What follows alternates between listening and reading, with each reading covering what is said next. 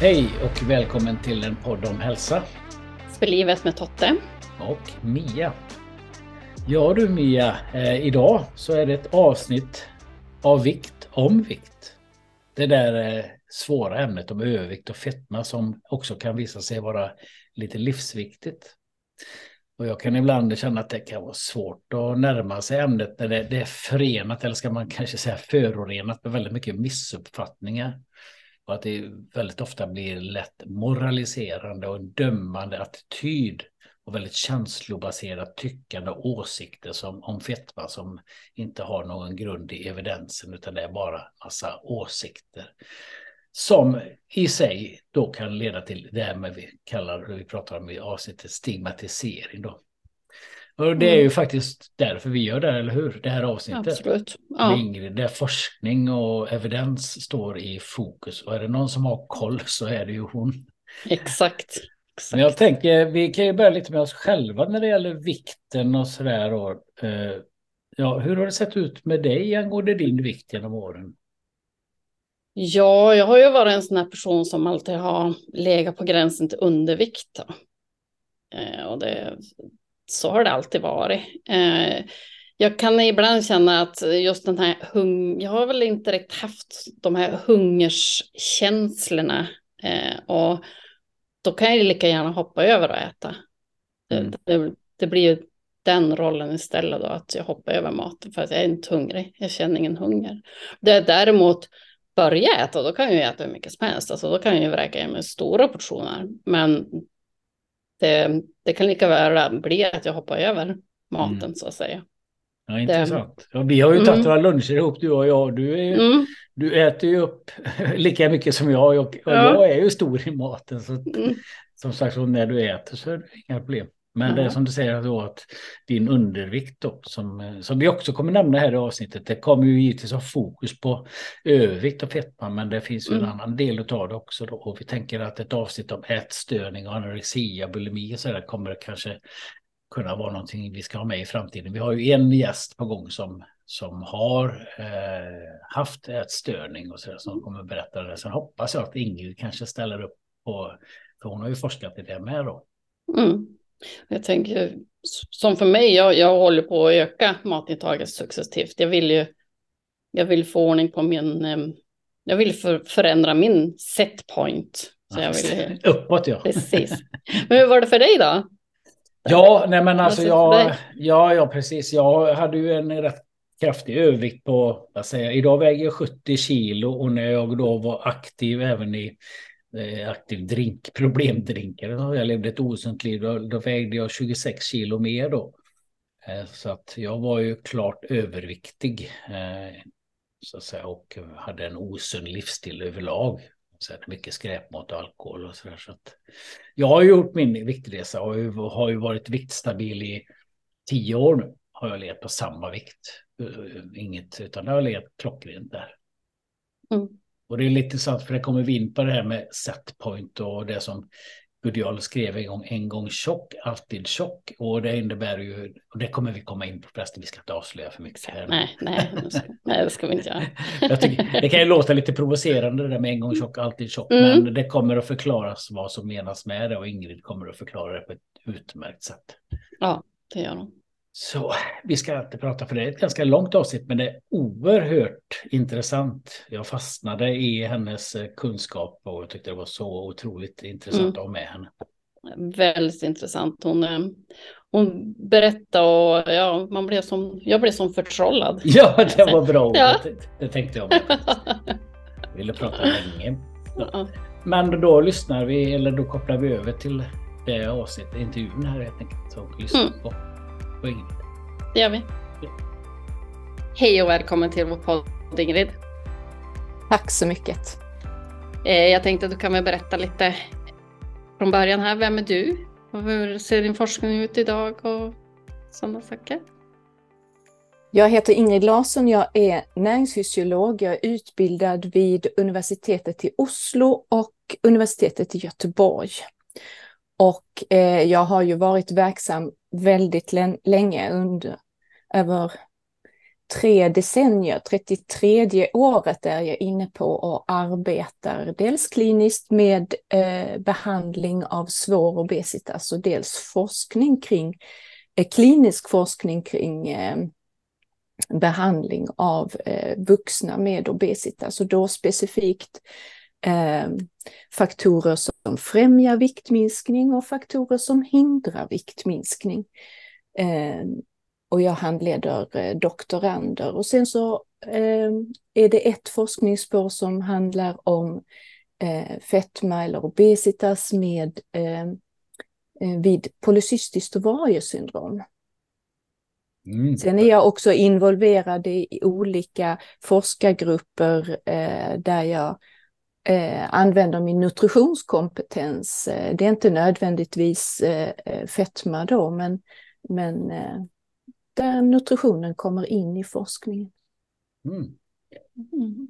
Ja, och eh, ämnet för dagen är ju kopplat till din forskning och det du har jobbat med. Hur många år hade du hållit på med den forskningen där ungefär? Sa du det? Eller missade jag det? Ja, forskningen. Eh, jag gjorde mitt eh, avhandlingsarbete i en stor studie som eh, kallas för Swedish Obese Subject Study, SOS-studien, där man jämför eller följer, har följt under eh, mer än 20 års tid eh, personer som har genomgått eh, eh, magsäckskirurgi och en kontrollgrupp. Och i den studien så fanns det en referensgrupp och det var där jag gjorde min, eh, min, mitt avhandlingsarbete på eh, kroppssammansättning. Så det var så det började. Mm. Kroppssammansättning, andelar fett versus muskler så att säga. Helt enkelt. Ja, ja. och ben och bentäthet. Ja, just det, ben och bentäthet. Mm. Mm. Jag tänkte, kan du förklara lite det här med obesitas? Det kanske har hört ordet. Vad, för, vad betyder riktigt? Ja, själva ordet betyder att det är en för stor ansamling av fett, fett i kroppen. Mm. Eh, och sedan så graderar vi ju obesitas eller fetma. Numera, eh, tidigare så hette det fetma, det gör det ju i och för sig nu också, men man vill att man ska eh, benämna det obesitas. Så det kan man ju tänka sig då att, att eh, obesitas är obesity på engelska. Mm. Så man har den kopplingen. Men obesitas, eh, där har vi BMI, kroppsmasseindex eller body mass index. Och eh, obesitas fetma börjar vid BMI 30. Och då är BMI, det räknar, eh, det är en eh, beräkning där man tar hänsyn eller man eh, relaterar vikten i förhållande till längden. Och med det eh, kan man ju då jämföra personer med olika kroppslängd. Mm. Så eh, BMI 30 det är eh, lägsta eh, BMI för eh, fetma och sen så har vi tre grader eller klasser och då det är med fem steg, så mellan BMI 30 till 35 så det är klass 1, 35 till 40 klass 2 och över 40 så är det eh, klass 3. Och yes. då vet man från stora, stora populationsstudier att ju högre BMI, desto högre risk för, för sjukdom, framförallt kardiovaskulär eller hjärt-kärlsjukdom och diabetes. Jag tänker, är det skillnad mellan män och kvinnor på BMI? Angående fetma? Eh, eh, nej, det är nej, det inte. Det är 30 men, som gäller? Ja, det är 30 som gäller, men det är skillnad på etniciteter. Så eh, har, är man eh, av asiatiskt ursprung så har man en annan BMI, då börjar eh, fetma vid BMI 27 eller 28. Ja. Jag vet inte, eh, jag kommer inte ihåg exakt, men någonstans 27, 28. För man har sett att eh, med en asiatisk etnicitet så, har, så börjar risken för hjärt-kärlsjukdom vid ett lägre BMI det är kopplat till riskerna, liksom BMI. Att, men det precis, börjar, ja. precis. Det är inget, det är inget tyckande Nej, utan det, är här statistiskt är... Jajamensan. Mm. Ja, ja i stora populationsstudier där man har följt eh, individer under lång tid. Mm. Eller grupper. Bra, då har vi fått en mm. bra förklaring på både obesitas alltså och BMI-måttet. Jag brukar skriva och prata om det ganska mycket också. Men vi kör igång med en, en fråga som florerar ibland det här med hälsosam fetma och det påstås ju emellan varven att det gör och, så där, att, och det skrivs att det finns hälsosam fetma. Vad har du för tankar kring det? Ja, eh, hälsosam fetma finns inte. Det är det korta svaret. Eh, men då måste man ju också förklara varför det har uppstått det här, eh, den här diskussionen. Och den har uppstått genom forskning eh, och det är Eh, tidigare så gjorde man studier där man tittade på stora grupper eller grupper av personer vid ett enda tillfälle. Och de studierna kallas för tvärsnittsstudier. Man eh, ta reda på hur ser grupper av, av personer ut idag? Och då eh, kunde man finna att en del personer hade inga eh, metabola risker och med det menas eh, inget förhöjt blodtryck, inga förhöjda blodsockernivåer eller blodfettsnivåer. Eh, och så kom det ut ja, eh, att, att eh, det finns någonting som kallas för hälsosam fetma eller på engelska metabolically healthy obesity. Men när man sen fortsatte studera de här personerna och följde personerna över tid, ja, då såg man att de där som var metabolt eh, friska när man undersökte dem, de utvecklade sjukdom över tid. Och, de, och det är ofta personer när, när, man disku, när det här diskuteras, det är ofta personer som är unga som hävdar det. Och det, det är ju helt de kan ha helt normala eh, värden med hänsyn till eh, blodsocker och blodtryck och, och insulinnivå och blodfetter. Men när de blir äldre så kommer de att, de allra flesta kommer att utveckla eh, sjukdom. Ja, just de typen av sjukdomar som tar en 20 år kanske och utveckla tänker jag cancer, hjärt och kärlsjukdomar. Det är ju inget, du röker en cigarett, du får ju inte det veckan efter. Nej, Problemen nej. kommer ju på sikt. Och eh, det kanske, eh, en del sjukdomar tar ju 20 år att utveckla, andra tar kortare tid. Mm. Beroende på hur länge man har haft eh, sin fetma, eh, vilken ålder man är och så vidare. Och sen så finns det ju andra sjukdomar som inte är eh, så kallat metabola utan det handlar om, om leder och, och eh, problem med eh, höftleder, knäleder, fotleder. Och sen så eh, problem med eh, sviktande fertilitet hos både kvinnor och män och, och psykiatriska diagnoser som kan ta eh, kortare eller längre tid. Så att, och det har eh, nu är, är forskningsläget så, så att man föreslår att man inte ska använda uttrycket hälsosam fetma eller metabolically healthy obesity därför att det här är, är inte sant. Det har fått ett stort fäste känner jag vissa inriktningar, kroppspositivismen eller vad man kallar det. Man slår mynt av det här kan vi väl känna och det är ju det som är den farliga vandringen, den här stigmatiseringen kontra kroppspositivismen och det som är fakta och så vidare. Ja. Det är ju en balansgång hela tiden att gå, hur man går här tänker jag. Ja, här får man, här får man ju tänka efter. Det här är, här är ju olika perspektiv och, och den, det ena perspektivet är ju inte mer eh, rätt eller fel eller det andra. Jag förstår eh, personer som eh, har blivit illa bemötta både inom hälso och sjukvården och, och i samhället i stort. Men man får heller inte eh, eh, sätta krokben för sig själv och säga ja men jag är ju frisk. Eh, utan man får tänka, ja vad är det jag möjligtvis kan eh,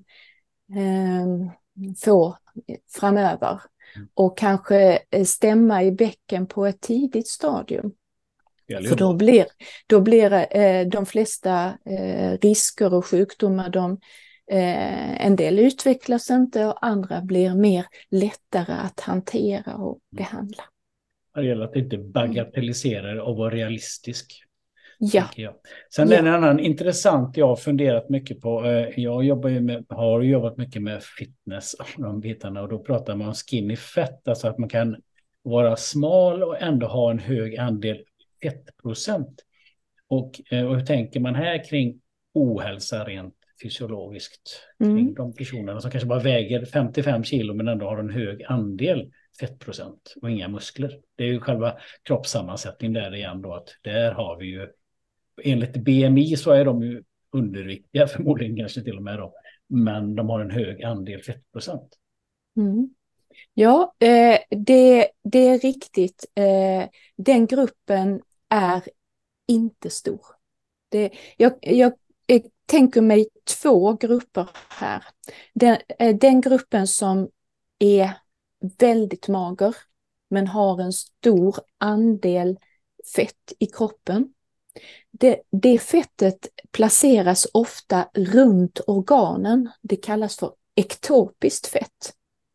Så att eh, när man gör eh, kroppssammansättningsundersökning på de individerna, då ser man att fett, fettet sitter runt organen och det är inte bra. Den, det fettet den har en annan, den har en störd metabolism också.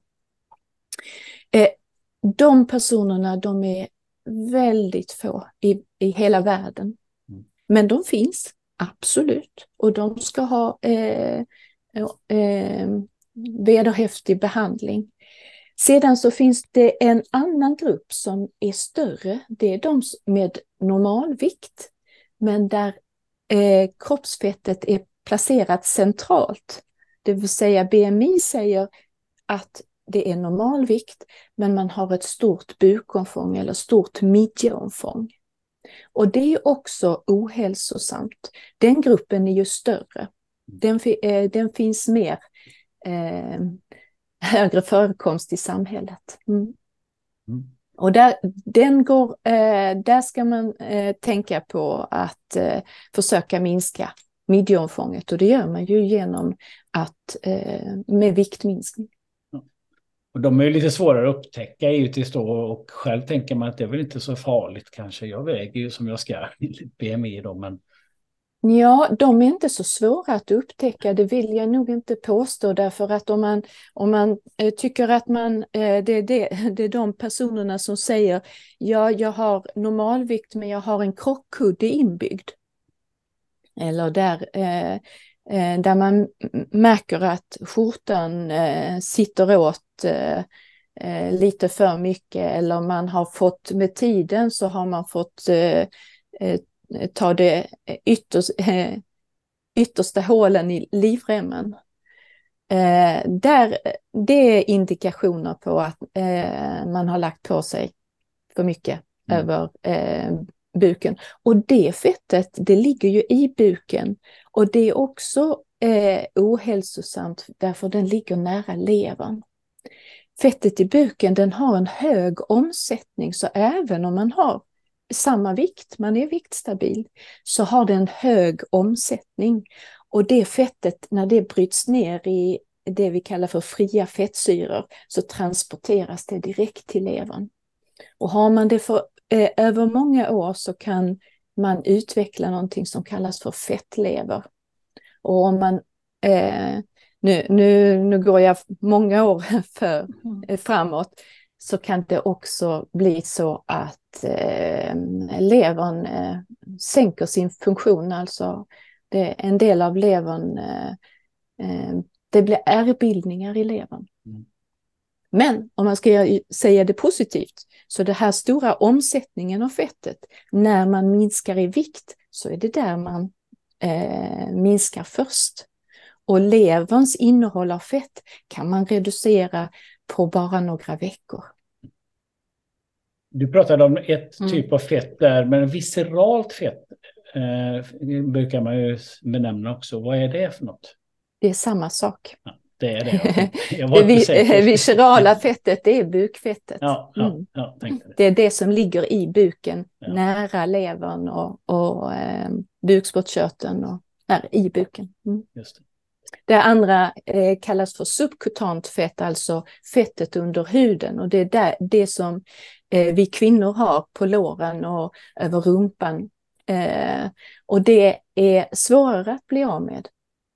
Därför att det är, eh, vi är designade så att det fettet som är över lår och rumpa, det är en energireserv för graviditet och amning, framförallt amning.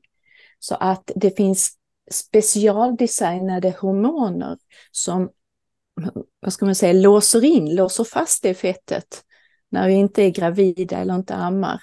Och sen låser upp det fettet när vi behöver det. Så det har så ett det, evolutionärt syfte helt enkelt? Absolut, hela, hela människan ja, har... Så är det. Så är det. Det, är så, det är så tydligt och det är så lätt att säga det. Att jag har så mycket, ja, men det har ju liksom med, med vår överlevnad att göra. Eh, att det ser ut som det gör. Att män, männen har ju oftast lite i magen så det vet jag inte om det har något evolutionärt syfte direkt. Absolut, eller? absolut har det ett evolutionärt mm. syfte. Och eh, för att det fettet, det skulle man, om vi eh, den evolutionära diskussionen, därför att den, det här är otroligt viktigt att ha den blicken tillbaka. Var kommer vi ifrån? Hur, varför ser vi ut som vi gör? Så om vi tänker oss att vi evolutionärt har haft perioder där vi har haft gott om mat och perioder med sämre mattillgång. Så männen, de skulle lä äh, lägga på sig äh, energi som kan användas snabbt när de behöver ut och jaga djur och samla in föda till kvinnorna nu är detta på gruppnivå mm. och jag har inga eh, eh, könsperspektiv på det här. och sen så, sen så drar man ihop mat och de som, eh, som har kapacitet eller hade kapaciteten och möjligheten att lägga på sig mycket eh, energi, det var ju de som kunde föra släktet vidare, mm, mm. Eh, vara fertila, bli med barn och så vidare. Och så nästa eh, period av eh, umbärandet, otillräcklig tillgång på mat. Då ska man leva på den, den här, då använder man kroppsreserverna och så blir det bättre tillgång på mat. Och då ska eh, männen ut och då använder man använder de bukfettet. Så det finns absolut, och det, det är bra att eh, fundera varför ser vi ut så här? För att förstå varför det är som det är idag. Precis, och det, idag fyller ju inte den här magen det syftet i, i vårt eh, välfärdssamhälle. Eh, med all tillgänglighet till alla goda saker som finns runt omkring oss hela tiden. Exakt, mm. så vi, vi är designade för ett annat samhälle än det vi har skapat. Och vi kan ju se också på det finns ju sådana här eh, tävlingar på tv där man skeppar iväg människor till eh, öar långt ut i havsbandet eh, på andra sidan jordklotet. Och, så, och där är otillräcklig tillgång på mat och man måste skaffa sin egen mat. Och följer man en sådan serie så ser man att de här eh, deltagarna de minskar i vikt allt eftersom. Så, men det finns en o, eh, där är skillnad i viktminskningshastighet mellan individerna. Och det har med genetiken att göra. Mm. Men alla minskar i vikt. Mm. mm. Så om vi skulle här eh, i Sverige eh, få eh, otillräcklig tillgång på energi, och det hoppas jag verkligen inte, så, så skulle alla minska i vikt. Men det skulle eh, eh ske med olika hastighet. En, eh, vi mm. glider över på en annan fråga som eh, du har ju varit med även med Jakob Gudiol ett avsnitt eller två till och med tror jag det va? Eh, och, och, han har ju skrivit en artikel som heter En gång tjock, alltid tjock. Eh, och den är ju lite provocerande titeln i sig, men där pratar han ju väldigt mycket om det här med set point. Eh, och det var därför jag tänkte vi kom in på, eh, och man pratar ofta om setpoint, men jag tänker vad är setpoint och vad har du att säga om det? Mm. Setpoint, och då, eh, då, måste vi ju ha det i relation till kroppsvikten. Det finns ju andra områden där man kan prata om setpoint också. Men eh, setpoint är den vikten som när vi har växt klart eh, och är vuxna, färdigväxta och håller vikten så varierar vår vikt kring ett, ett litet eh, intervall. Det kan vara ett par kilo upp och ner. Eh, går vi upp i vikt. Så, eller tvingar oss att gå upp i vikt, vi, från normalvikt och så upp 10 kilo, man överäter, eh, så kommer man att eh, gå upp 10 kilo, men sen så när man släpper på den eh, tvingande komponenten att man eh, ät, överäter så kommer man att minska ner 10 kilo i vikt. Och sedan så om man tvingar eh, från normalvikt ner 10 kilo så, och sedan eh, äter det vi kallar för ad libitum efter behag så att säga, så kommer vikten att öka. Det är en set point. Och då diskuterar man då, och, och det är oavsett vilken vikt man har, så personer med fetma som ökar i vikt kan öka till en ny eh, body weight set point. Och oftast eh, så eh, när jag frågar patienter hur har din viktutveckling varit över tid så eh, säger man ofta att man har ökat men sen så har man stått stilla i vikt ett par år. Och det är inte ovanligt att man, eh, man till exempel har haft samma vikt under ett antal år och så kanske det händer någonting och så, så ökar man igen. Så att alla eh, kan ha den här bodyweight set point. Den stora diskussionen är, eh, som har förts nu ett antal år, det är att, att man inte kan ändra sin setpoint. Att om man har en hög vikt, om man har obesitas, kan man nå en, en setpoint på en lägre vikt, till exempel övervikt. Och en del hävdar att det inte går för att eh, kroppen kommer att motverka en viktminskning. Men de senaste åren så har forskningen kommit fram till att det går visst att ha eh, en ny bodyweight, att etablera en ny bodyweight setpoint på en lägre nivå. För att eh, grejen är det att när man är, eh, minskar i vikt så är man i det vi kallar för energiobalans. Man har ju ett lägre intag än omsättning. När man sen har nått sin lägre vikt och man håller den vikten över en tid så kommer eh, eh, vikten att nå en ny lägre setpoint. Men det, det som krävs det är att man håller vikten.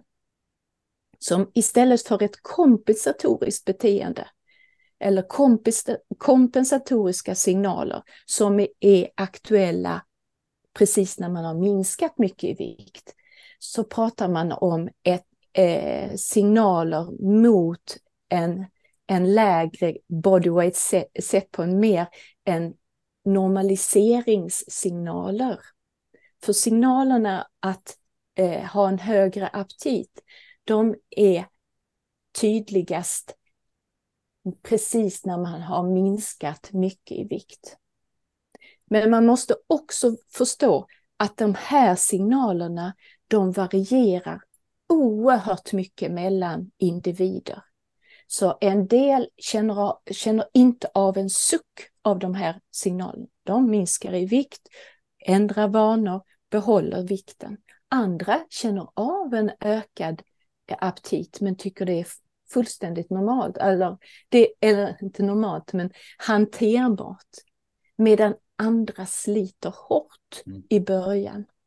Och till den gruppen, det är eh, den gruppen som de här nya läkemedlen kommer att vara väldigt bra eh, att använda. Mycket bra där, för mm. vi har mm. haft eh, den diskussionen med både David Ek och Jakob, just det där med medicineringen, att det finns de här tre kategorierna du pratar om nu. Det finns säkert ytterligare nyanser i det, men för att förenkla det så är det den här gruppen som man sätter in med sina som har enorma svårigheter att hantera eh, hungern och, och har betydligt starkare signaler än vad kanske de andra två grupperna har. Mm. Och jag vill verkligen betona att viktminskning kan leda till en lägre vikt. För en, eh, en del av debatten säger nej det är ingen idé att minska i vikt för alla kommer att öka i vikt igen. Så är det inte. Utan man kan nå en lägre vikt och behålla vikten. En del personer behöver ha hjälpmedel i form av läkemedel. Det, det viktiga är att man får till vanor i i eh, vardagen som gör att de här nya vanorna vad gäller mat och aktivitet och andra eh, aspekter också av levnadsvanor, att de här fungerar i vardagen. Mm. Det ska vara praktiskt och det ska vara mm. tillämpbart för varje individ, annars kommer det troligtvis inte att fungera i längden heller. Men då är det inte så då att en gång tjock, alltid tjock, utan det är just det med sätt. Har du då, om vi nu tar ett exempel, och säger att jag har vägt 100 kilo och det är 20 kilo och det är övervikt. Eh, och jag går ner till 80. Då är det, jag brukar säga att kroppen strävar efter homeostas, att han vill tillbaks till 100-punkten. Men eh, nu när man väl har gått ner det här och man börjar äta ad libitum som du säger det fritt, då kommer man snart upp på 100 kilo igen.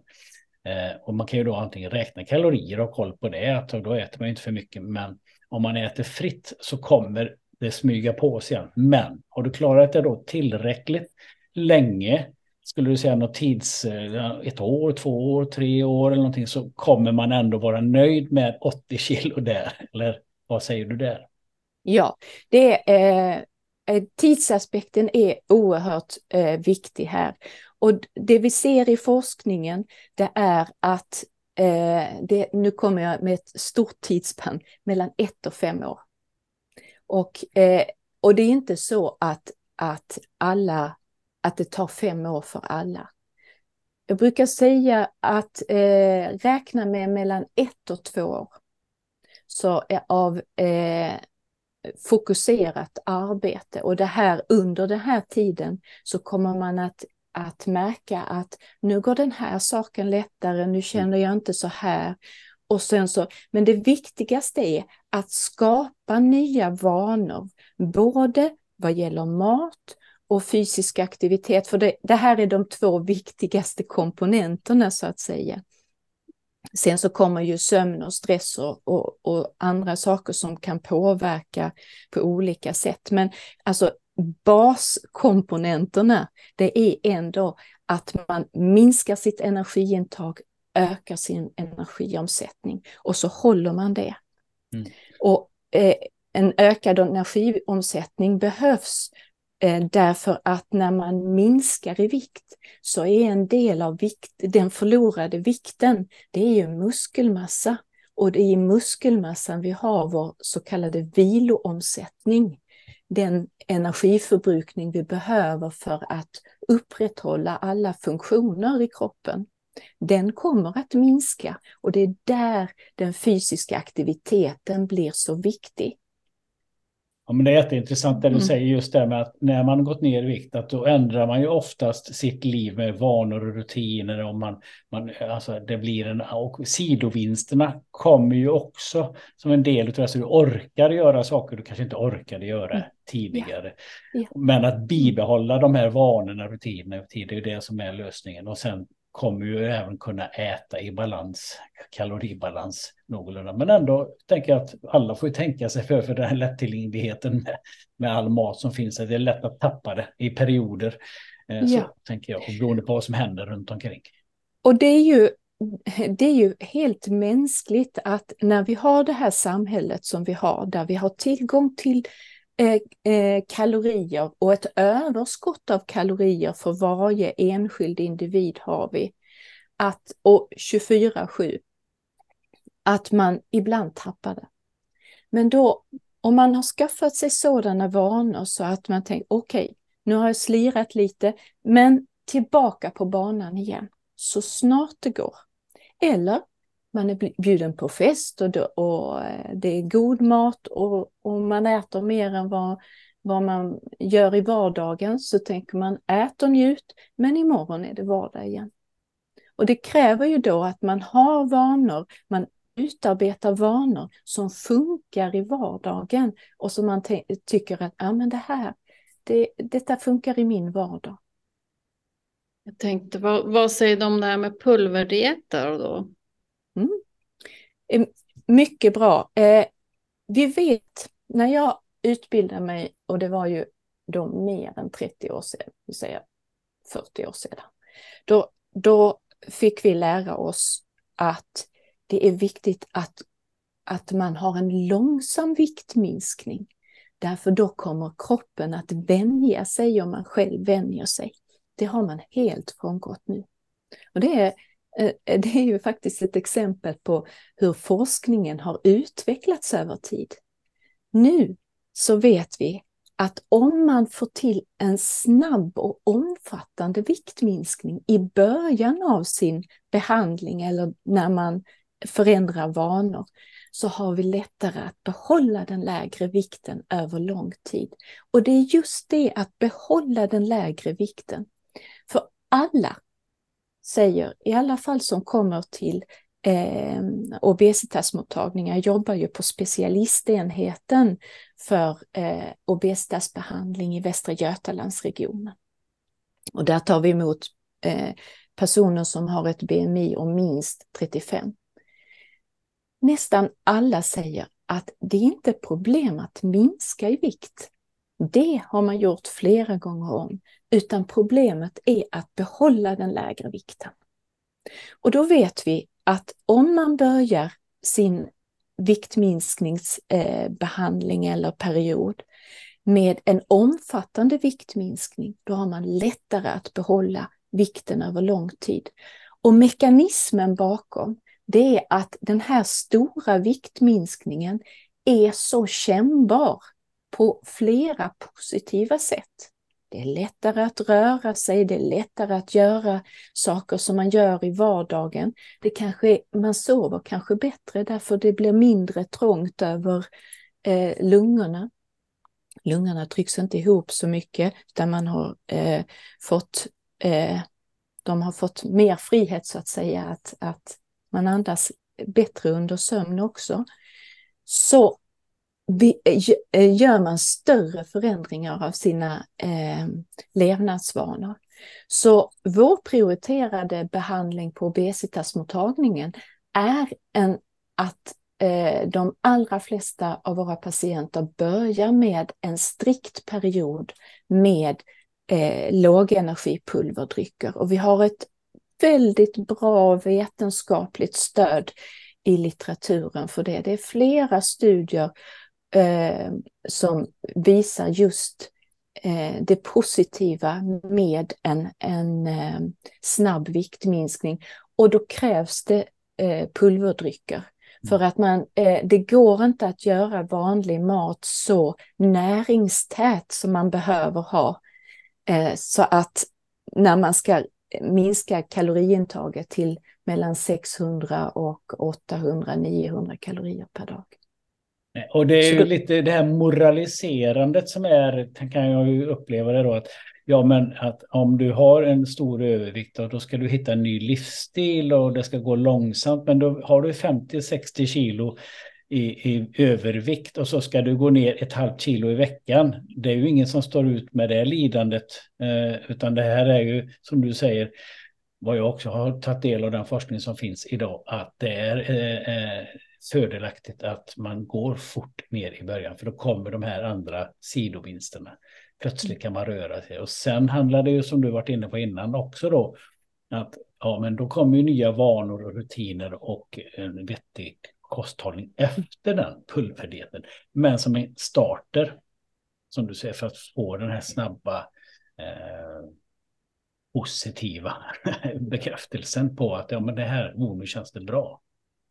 Det är helt riktigt. Det, det, det är det som... Så, eh, pulverdieter eh, eller pulver, en strikt period med, med enbart pulverdrycker. Det handlar inte om att, att äta hälsosamt. Det har ett enda syfte. Det är viktminskning. Men den här omfattande viktminskningen måste ske för att man ska få utrymme att få skapa sig hälsosamma matvanor. Och ofta jag hör från våra patienter säger det här var det enklaste. Mm. Den enklaste perioden, det är bara att dricka de här dryckerna fyra gånger om dagen. Jag behöver inte tänka på mat. Och det här är också positivt, för att om man inte äter så kan man få lite perspektiv på sina matvanor. Dels att så mycket mat jag har ätit, jag tog ju tre portioner mm. vanligtvis. Men också eh, upptäcka att man kan klara sig på bara en bråkdel av energiintaget som man har äh, ätit tidigare. Jag tänker att det, att det är liksom lite grann att det är eh, vad säger hon, det, att det är quick fix om man gör det här på det här viset. Och det är ju negativ klang i att det är quick fix. Men enligt dig så är det ju en, ingen quick fix, utan det är en snabb fix i början. Medan man, på lång, man tänker långsiktigt även fast man sätter in de här eh, snabba åtgärderna i början då, med väldigt lågt kaloriinnehåll då, och snabb viktnedgång. Jag vill koppla det till det du sa tidigare. Om man har 50 kilo som man önskar eh, minska i vikt, så är det ju härifrån till månen att minska ett halvt kilo i, i veckan och då använder vi i onödan den viktiga motivationen. Så motivationen, den behövs när det är dags att eh, skapa sig hälsosamma matvanor för eh, ett längre, i ett längre perspektiv. Och det absolut ingen quick fix någonstans, oavsett om man genomgår kirurgisk behandling för sin fetma eller man genomgår någon annan behandling. Man måste göra grovarbetet. Varje människa behöver göra det grovarbetet. Och att det är ett grovarbete, det har ju på, med våra eh, vår art att göra. Vi är designade för en helt annan, helt andra eh, förutsättningar i omgivningen. Mm.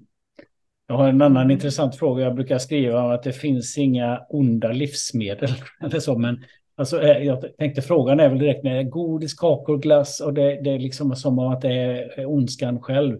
Det är ju högbelönande mat. Är det direkt skadligt för hälsan eller är det indirekt genom att det är energitätt och det i sig leder till att man överäter och skapar en övervikt. Eh, det korta svaret är nej, det är inte skadligt för hälsan. Alltså om vi, nu, nu tittar vi på livsmedlen per se. Ja, alltså precis. godis, glass, bakverk. Det, eller vi kan ta den rena, eh, det rena sockret.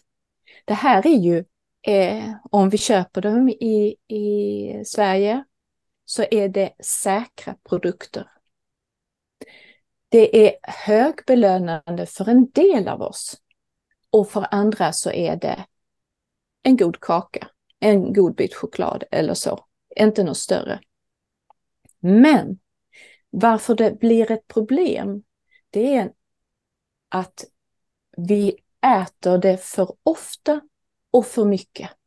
Och det är ju att det, det finns ju en tillgänglighet av stora godispåsar, stora, alltså det som kallas för, eh, tidigare kallas för småkakor, det är ju nästan gånger tio i storleken idag.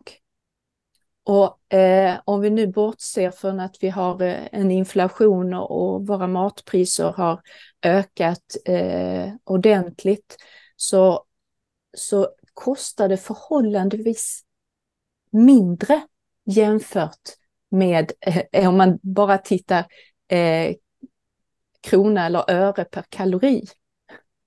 Så, eh, så att det är frekvensen, vi äter det för ofta, vi äter för mycket och det är då det blir ett problem. Men per se så är det inte farliga saker. Och då om jag ska gå tillbaka, inte till, till stenåldern eller vilk, där, 30 000 år tillbaka, utan på 1930-talet, 40-talet, då hade vi annonser där det stod ge ditt barn eh, strö ordentligt med socker på frukostgröten för det är bra energi för ditt barn. Så att vi behöver tänka på eh, hur, so hur sockret har använts i en relativ närtid. Och att sockret, det är ju en viktig, ett viktigt ämne för att konservera mat så att det håller sig mm. säkert. Så att eh, problemet idag, det är hur ofta vi äter det och att vi äter eh, för mycket. Och en del av oss, eh, där är det extra belönande och man kan använda det som, vad ska man säga, eh, att man eh, botar, botar, eh, man är ledsen kanske, man är nedstämd och man känner att ja, men om jag äter en, eh, en kaka eller chokladen och så, så får jag en stunds lättnad i mitt mående. Mm. Det är känsloätandet alltså. Ja, ja. Och det är ju så med överhuvudtaget eh, med, med, olika beroenden som kan uppstå. Så att man, det är många gånger känslor som man försöker fly undan och döva eller må lite bättre för stunden. Jag eh, mm. vill inte sätta ordet beroende i, nej, nej, i nej, relation till... Nej, nej, för det, det finns det. inte. Jag, nej, nej, jag vet. Och det har vi haft ett, eh, två avsnitt om också. Det här med att sockerberoende, det existerar icke. Inte i någon klinisk mening. Sen så, så pratar vi en del eh, med Gudiol om det. Att leder det till problem med ditt ätande och du blir, får en övervikt av fetma så blir det sjukdomar, då är det ett problem oavsett. Men det är inte kliniskt sett ett beroende utifrån de DSM-skalorna som finns. Allt här. Nej, exakt. Det är tydligt, att vi är tydliga med det då, så att ja. Eh, livsfarligt mm. använda orden fel. Och egentligen så är det ju eh, i, i vår hjärna, alltså i, i aptiten och mättnadscentrum, så ska vissa saker eh, ge oss motivation att äta mer. Därför att eh, kombinationen av socker och fett eh, signalerar här finns energi. Yeah. Ät mer. Och är, är det smaken av socker signalerar det här är ett säkert livsmedel. Det är inte mögligt, det är inte beskt, det är inte surt, för det kan ju vara farligt. Det är som jag brukar säga att den mm. som påstår sig vara sockerberoende så frågar jag dem, brukar du äta strösocker? Nej, det är ju ingen gör. Den som gillar fett så här, ingen äter ju ena eller andra, utan det är kombinationen av smakämnena som gör att det blir väldigt gott. Eh, mm. Och det, det ökar på vår känsla av välbefinnande och vi vill äta mer utav det. Ja, eh. och, och, och vi är designade till, ja. alltså tillbaka till våra förfäder för 30 000 år sedan. Ja. Det var exakt det som gjorde att de överlevde. Det är att, att tända till, åh det här var gott. Man äter eh, de söta bären, man äter det feta köttet och, och så får man i sig energi och så överlever man och kan föra släktet vidare. Jag brukar ibland ta mm. Nils van der Poel som ett exempel på, på när man talar om onyttigt versus nyttigt, vilket jag avskyr den här debatten på oh, nyttig och onyttig mat. Då. Men han halsade grädde och käkade kebab och godis dygnet runt för att få den energi han behövde för att kunna prestera. Och mm. i hans fall var ju det nyttigt för det fyllde en nytta, ett syfte. Han behövde den energin och det ser vi det som det. Sen är det ju, tänker jag, att för de flesta kanske det är en bra idé att minska på det här högbelönande maten. Det är inte något så som du sa att det är lätt att äta för mycket. Absolut. Mm. Och här är, detta är ju ett exempel och vi har, ser det i, i, inom elitidrotten att de här som ligger på den yttersta eliten, de har en sån, en stor, sån stor energiomsättning så de kan inte eh, täcka sitt energibehov med grönsaker och fullkorn och pasta, utan de måste göra den kalorität. Alltså att där är mycket energi per eh, gram eller volym. För annars så skulle de eh, behöva äta 22 timmar om dygnet och det, det har de varken tid eller ork med. Så där fyller det en funktion att äta energität mat. Medan vi andra eh, behöver ha energigles mat. Och, eh, så att vi behöver ha en stor andel av eh, vår, våra matvanor som eh, grönsaker och, och frukt och fullkornsbröd och så vidare. Ja, det är ju verkligen mm. skillnad och det, det är det som är poängen tänker jag. att det finns inga per se dåliga livsmedel utan det fyller sitt syfte i olika sammanhang. Behöver man mycket energi som Nils van der Poel, ja då är det jättebra idé att ta till det. Och medan vi normala kanske ska äta det här lite mer energisnåla, eh, glesa som vi kallar det. Exakt. Det, det som elitidrottare behöver tänka på, det är när karriären avslutas. Det kan ju vara frivilligt eller, eh, eller ofrivilligt att man eh, råkar ut för skador som gör omöjliggör fortsatt att man får justera sin, mm. sitt, sina matvanor så man inte fortsätter att äta så som man var elitidrottare för då eh, får man ett viktproblem. Det har ju hänt med några idrottare har man ju sagt. Det har hänt. Du nämner inga namn här nu. Nej, nej. Hur, eh, eh, hur skulle du säga, hur viktigt är det att söka eller be om hjälp om man nu har en övervikt? Det är oerhört viktigt att om man har eh, inte övervikt. Eh, jo, övervikt om man samtidigt har eh, högt blodtryck och höga blodfetter och så, då ska man ju ha behandling för det. Men om man har en eh, fetma, alltså BMI över 30 och eh, uppåt, och man har bestämt sig för att eh, jag vill ha hjälp att minska i vikt. Man kanske är orolig för att utveckla sjukdom eller man kanske har fått eh, veta genom blodprov, blodprovstagning att man ligger på gränsen att, att utveckla högt blodtryck eller diabetes eller så. Då är det oerhört viktigt att man talar om det, går till hälso och sjukvården och eh, ber om hjälp om man önskar hjälp. Och, det, eh, och här kommer vi också in på eh, stigmatisering och diskrimineringsproblemet. Därför att det är många av personer med eh, obesitas, fetma, som upplever att de blir eh, dåligt bemötta inom hälso och sjukvården. Precis som att man blir dåligt bemött eller helt orättfärdigt bemött eh, i samhället som sådant. Men det är så viktigt att man ber om hjälp när man önskar få hjälp. Mm. Och då, eh, och jag är absolut medveten om att eh, medarbetare inom hälso och sjukvården ibland har med sig sina fördomar och yppar dem inför patient. Det är helt oacceptabelt att detta sker. Det är orättfärdigt och det gynnar ingen. Så att vi inom hälso och sjukvården måste skärpa upp oss. Och vi har legitimation. Och den säger alla som har en legitimation de eh, lyder under hälso och sjukvårdslagen.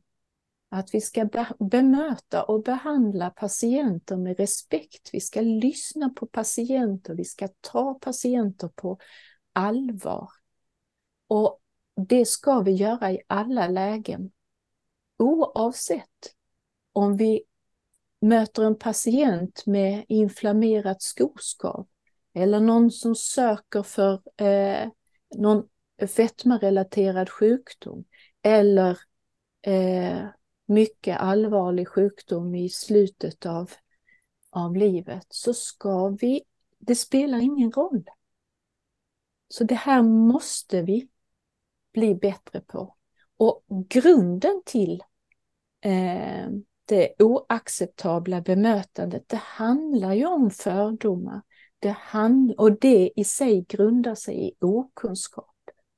Att man tror att, att eh, obesitas eller fetma inte är en sjukdom. Det är en sjukdom. Och den ska behandlas som en sjukdom. Och den sjukdomen den är ju också relaterad till en, eh, en myriad av risker. Ja, men det är lite grann det med skygglappar eh, eh, som man kanske har då, liksom att, ja, nej, och, och, just det här som vi pratar om kroppspositivismen, att man ska, inte, man ska vara glad i sin kropp och det kan vara att många tycker liksom att ja, nej, men jag, eh, jag är nöjd med, med det som det är, fast det är rent farligt och för hälsan med den här obesitas. Då att det är ju en sjukdom då, att man då inte söker vård om det finns sådana strömningar. Tänker jag, finns det sådana risker eller ser du det idag att det är så? Eh, jag jobbar ju på specialistenheten så jag, jag, eh, de jag träffar de har ju fått en remiss just för viktminskningsbehandling. Så jag träffar ju inte personer som, som, där det inte är aktuellt eller, där, eller att, att det skulle kunna vara aktuellt. Men jag hör ju av de patienter som kommer till mig att de har blivit bemötta både på korrekt, på korrekt sätt men även också på helt oacceptabelt sätt.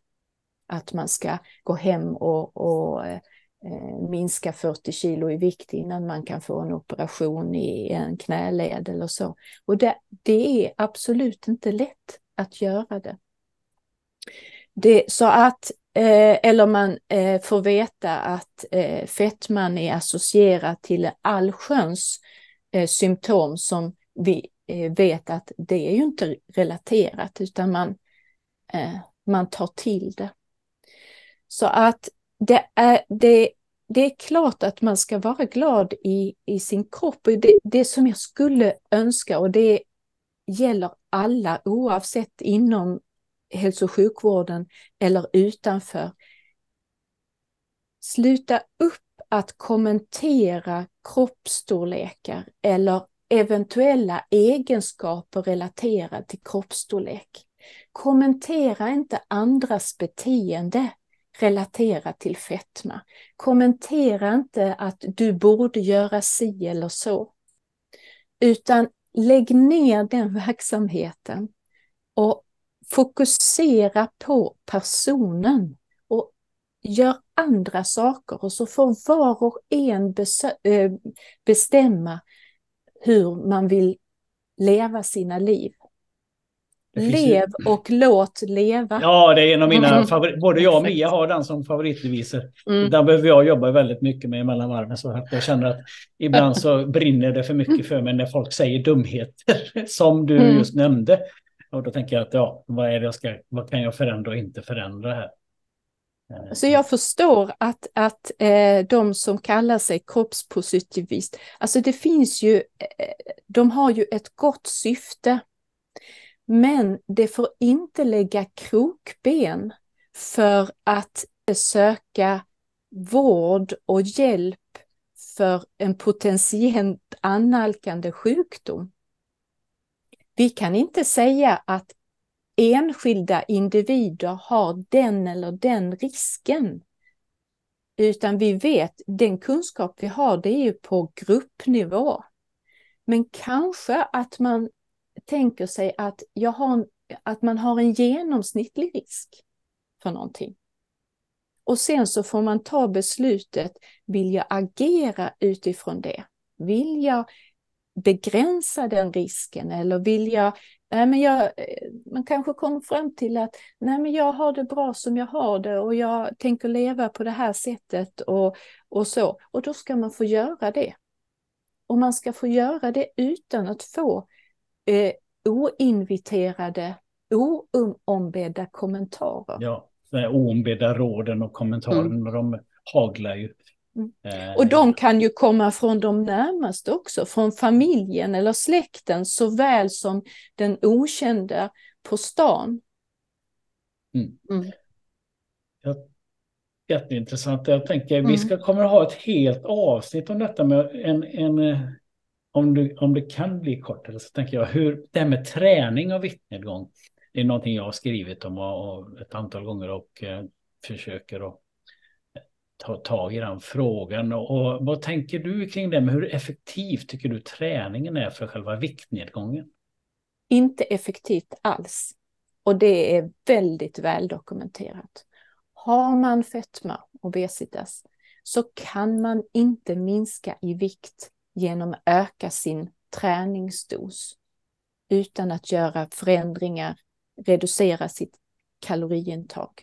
Och mekanismen bakom det, det är att det ska upp så stora volymer träning och frekvens och omfattning så att det inte är görbart. De allra flesta studier som har gjorts på det området med det syftet, det visar att man minskar mellan 0 och 3 kilo i vikt. Men kombinationen av energireducerad kost och ökad fysisk aktivitet, det är där, det är där man får resultat. Ja de nya vanorna, mm. rutinerna som man också får in här om man orkar träna mer. Och sen, sen finns det forskning som visar att när man väl har få, eh, kommit ner på sin målvikt så kommer träningen vara oerhört viktig för att bibehålla vikten. Träning för viktnedgången eh, är i princip noll eh, men, och detta tror ju folk för att det ser man ju varje år på löpbanden efter nyår så står ju alla där och, och, och sen efter två månader är alla borta igen. Men det är ju det här att man tror, och så äter man, oftast blir det ju så att det blir nästan motsatt effekt. En del går upp i kilo från överskatta sen hur mycket de kan äta. Mm. Jag brukar säga att en står på löpandet en, en halvtimme och sen köper man en proteinbar på 200 kalorier. Ja, det var nog några 20 kalorier plus där kanske. Mm. Jag säga. Då har man täppt till det ja. gapet. Eh, och detta är ju väldigt eh, mänskligt och det är faktiskt de, den vanligaste eh, missförståndet. Det är att man överskattar sin energiförbrukning och underskattar sin energiintag. Och det är precis som du säger, fysisk aktivitet är oerhört viktigt i eh, förändringsarbetet mot en lägre vikt. Och av två anledningar. Dels den eh, hjärt-kärlpåverkan, att det är så positivt för hjärt-kärlhälsan och eh, blodsocker och blodtryck och allmänt välbefinnande. Men sen så är det helt avgörande för att behålla den lägre vikten.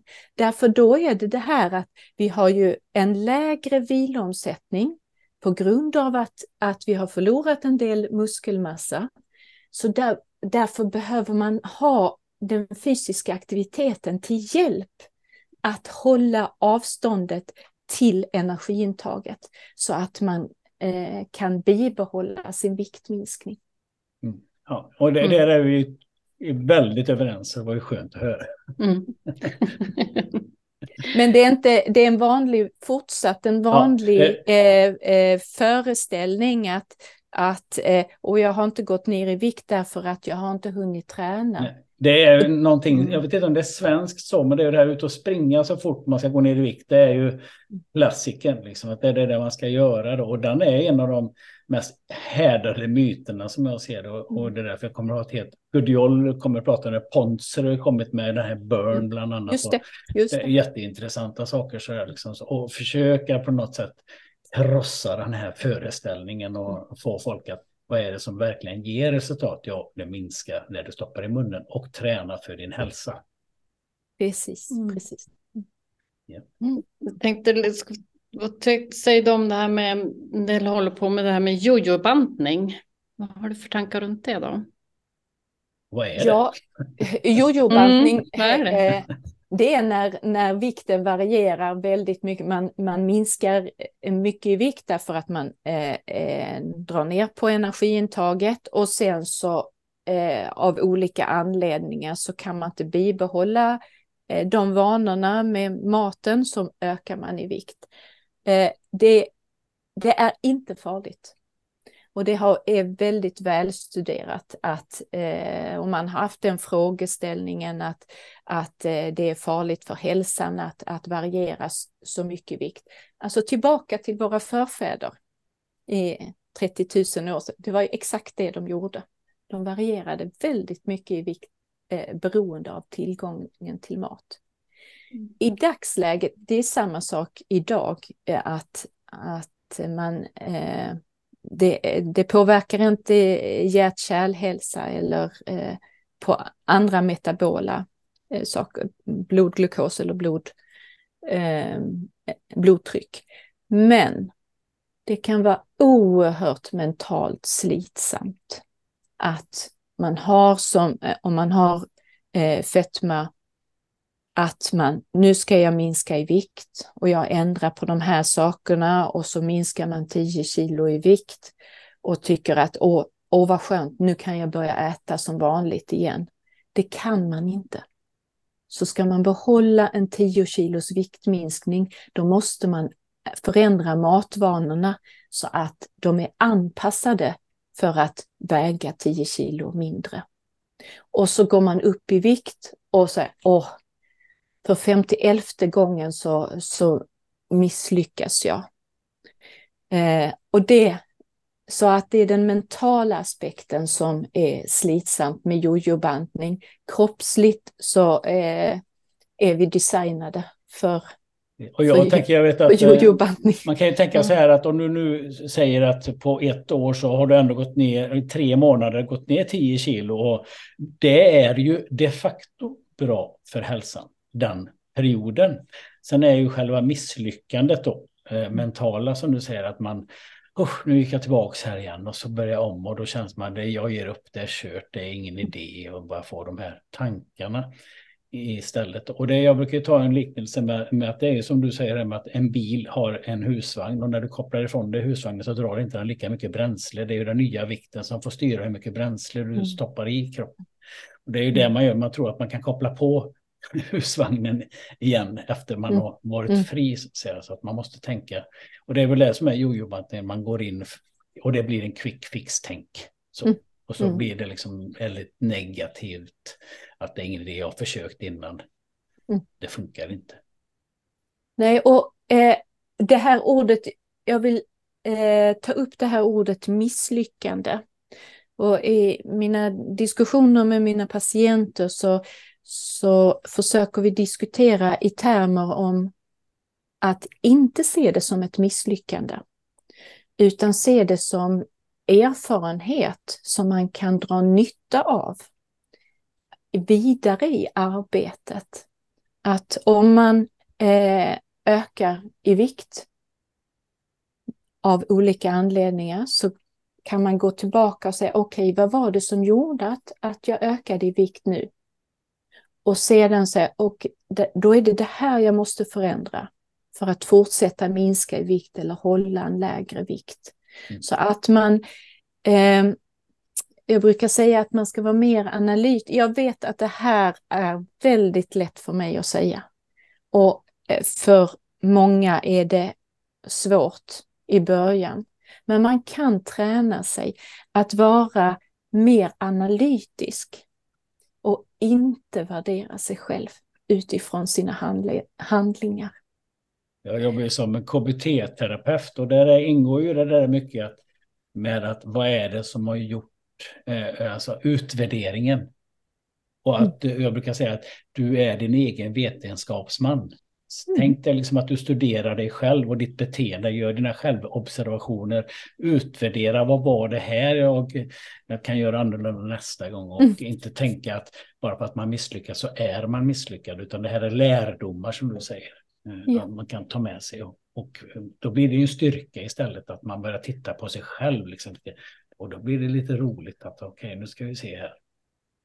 Och det är en av framgångsfaktorerna. Vi har en, eh, en rad framgångsfaktorer som vi har eh, fått från stora studier. Och en av framgångsfaktorerna för eh, att behålla en, en omfattande viktminskning på lång sikt, det är att väga sig regelbundet.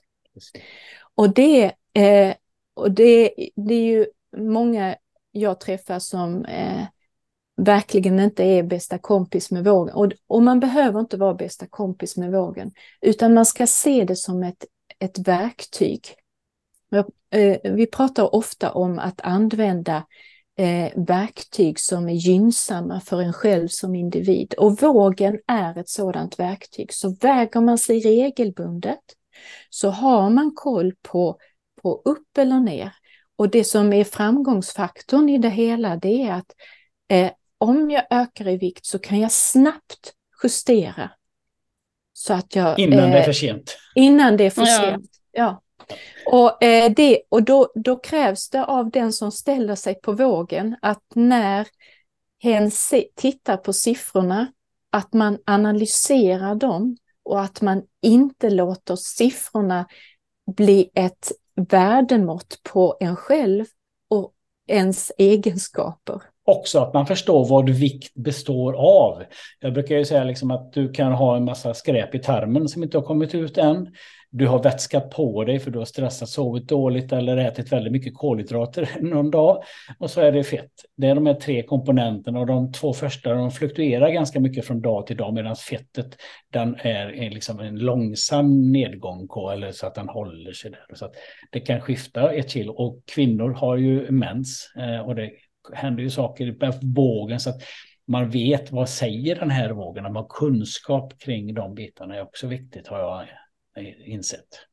Absolut, och eh, det är ju det här analytiska, att man lär sig vad, hur, hur vikten varierar och varför den varierar. Och att man inte utvärderar sin vikt dag för dag. Man får gärna väga sig varje dag, men att man utvärderar vecka för vecka. Ja. Så att, och då lär man sig att, att om jag dricker en halv liter vatten så kommer jag otvetydigt att väga ett halvt kilo mer. Men det är ju inte för att jag har gått upp i vikt, utan jag har vikten av en halv liter vatten i, i systemet. Precis. Och det är det, det långa perspektivet säga att efter tre veckor om du vill gå ner ut så ska det synas från punkt ett till punkt, den sista punkten.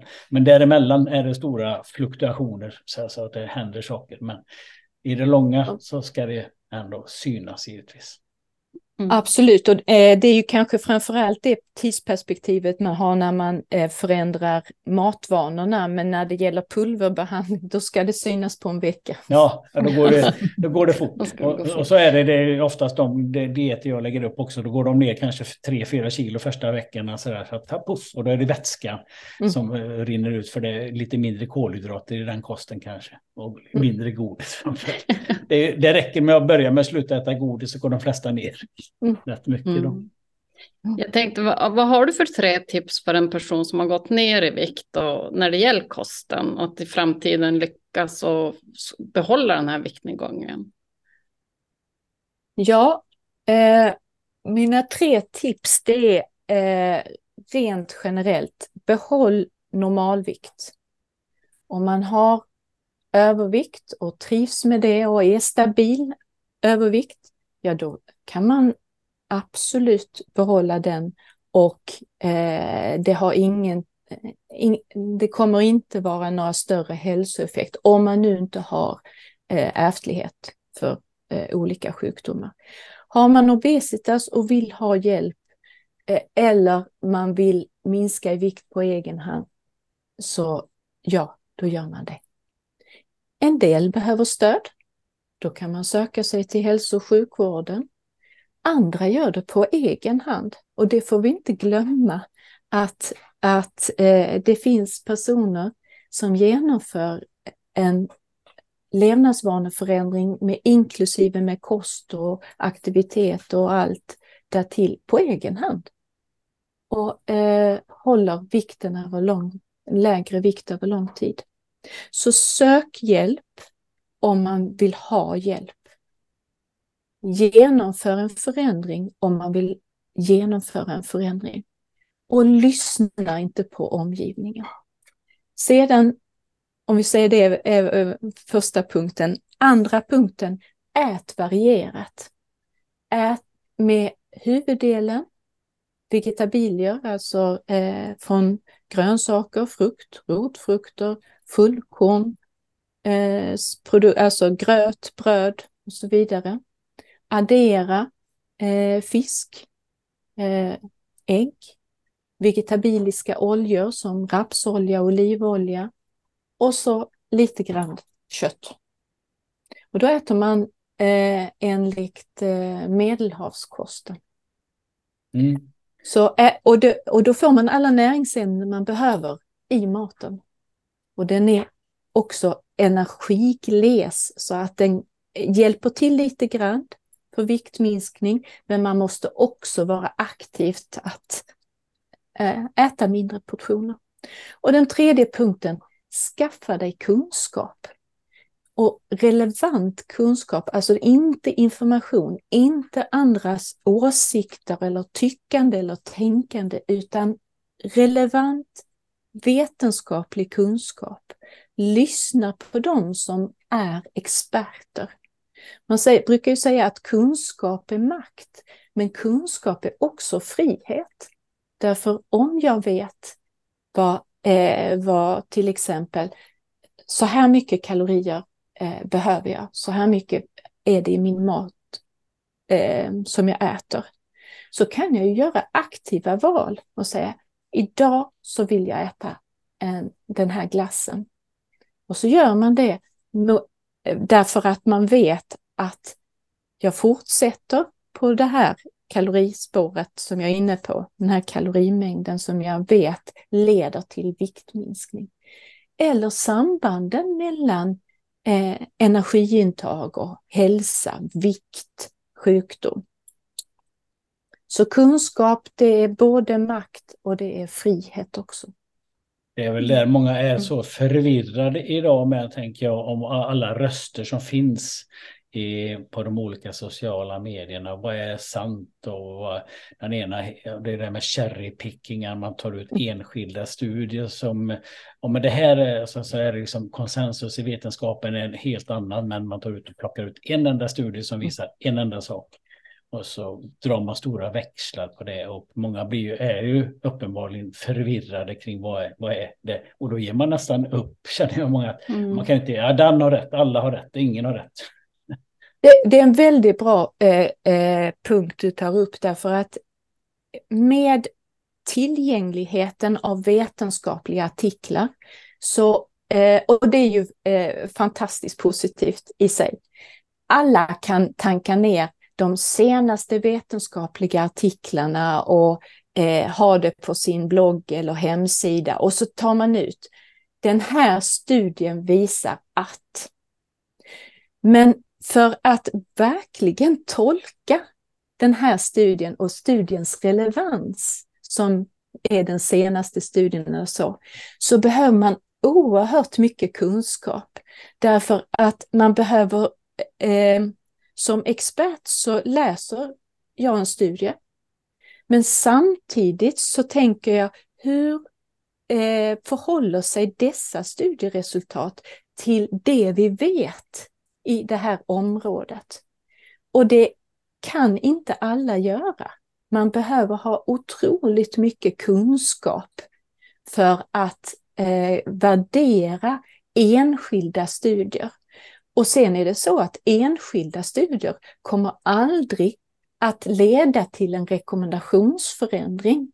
Utan när, man, när vi bygger rekommendationer så gör vi systematiska sökningar i litteraturen som sedan analyseras på väldigt specifika sätt genom metaanalyser och så kommer man fram till en slutsats. Så enskilda studier, ja det är ju, eh, kan ju vara, eh, det är ju media som kan ta upp, eh, sociala medier eh, lyfter, kan lyfta upp enskilda studier, men de har eh, väldigt sällan ett värde. Mm. Vad är de vanligaste myterna kring fetma skulle du säga? Ja, det vanligaste är att det är, handlar, och det handlar ju då om, om grunden för stigmatisering, att det är ens eget fel, att man är lat.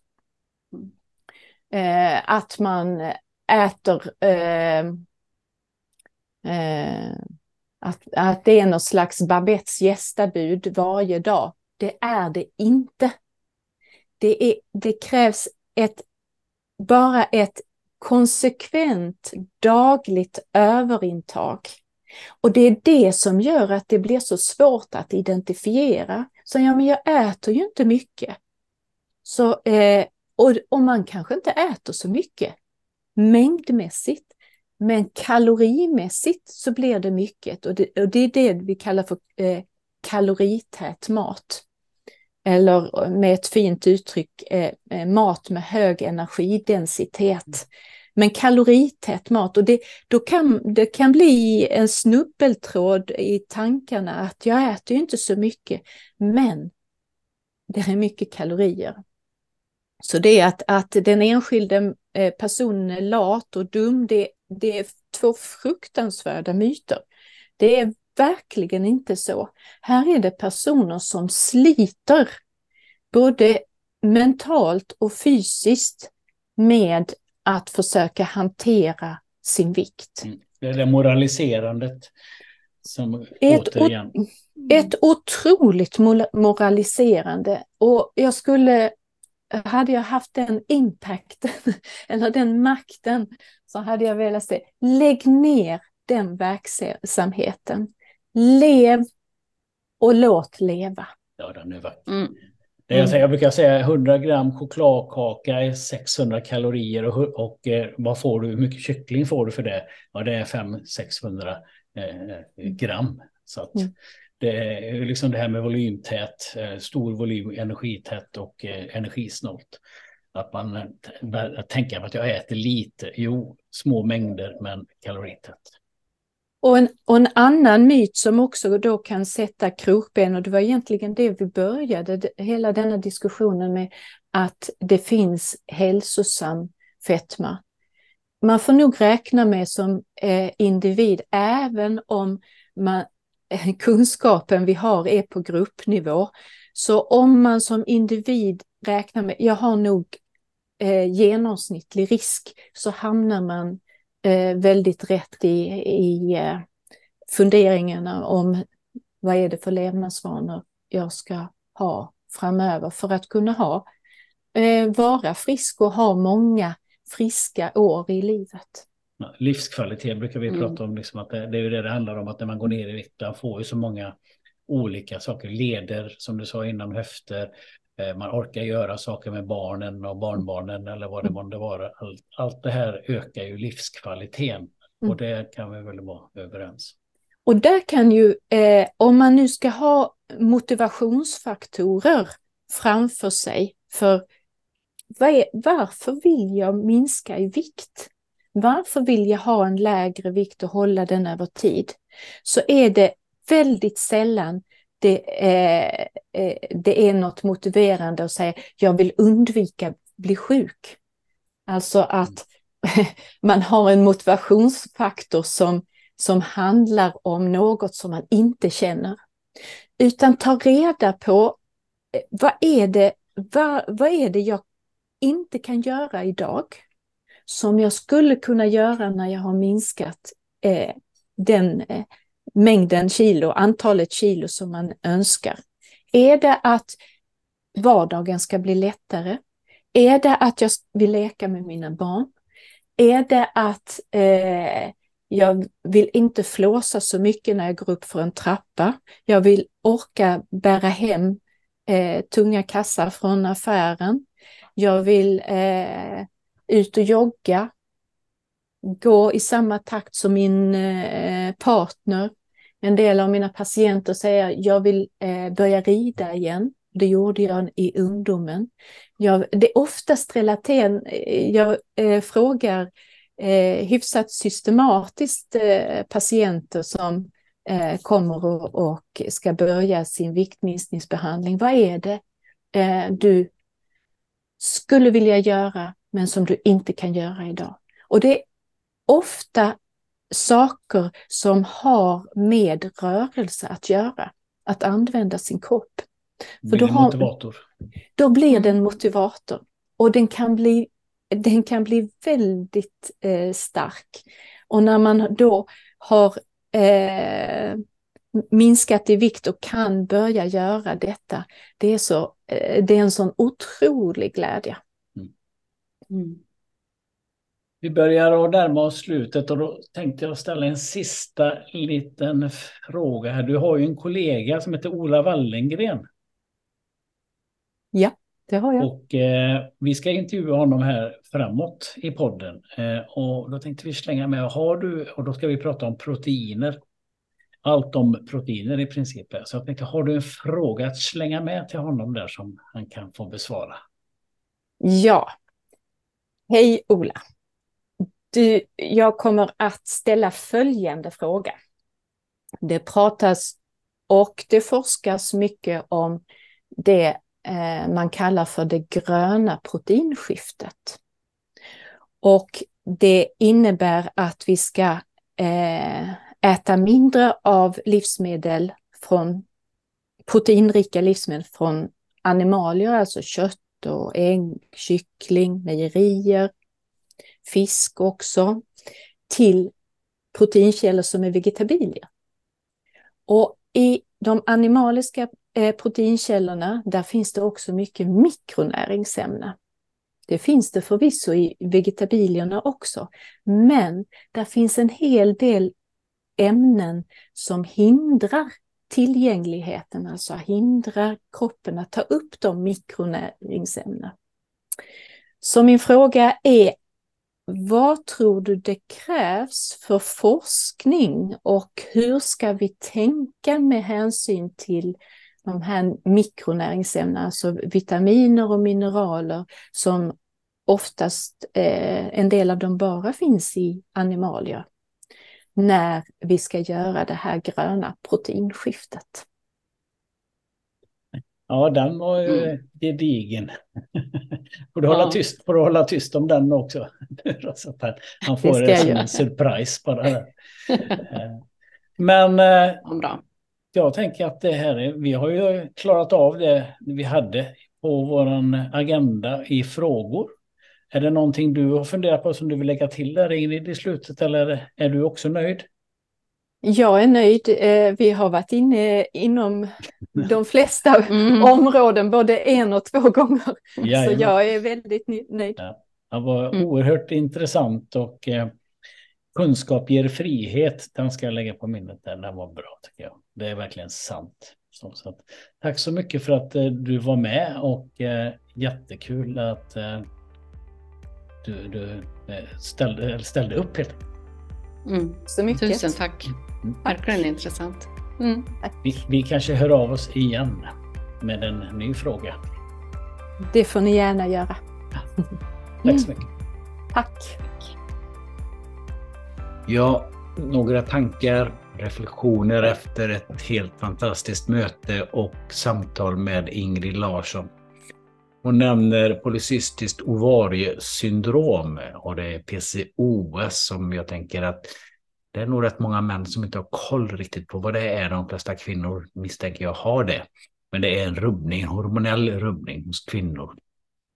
Och den beror då på ökad aktivitet av det som vi män har ganska högt av testosteron Om kvinnor ligger lägre på. När den här ökar och vanliga symptom brukar man säga att ja, det är oregelbunden mens, eh, hårväxt eh, och sen kan det även vara tunnhårighet, svårigheter för barn och så vidare. Och sen är det så att om man får det här PCOS så löper man också ökad risk för att få typ 2 diabetes.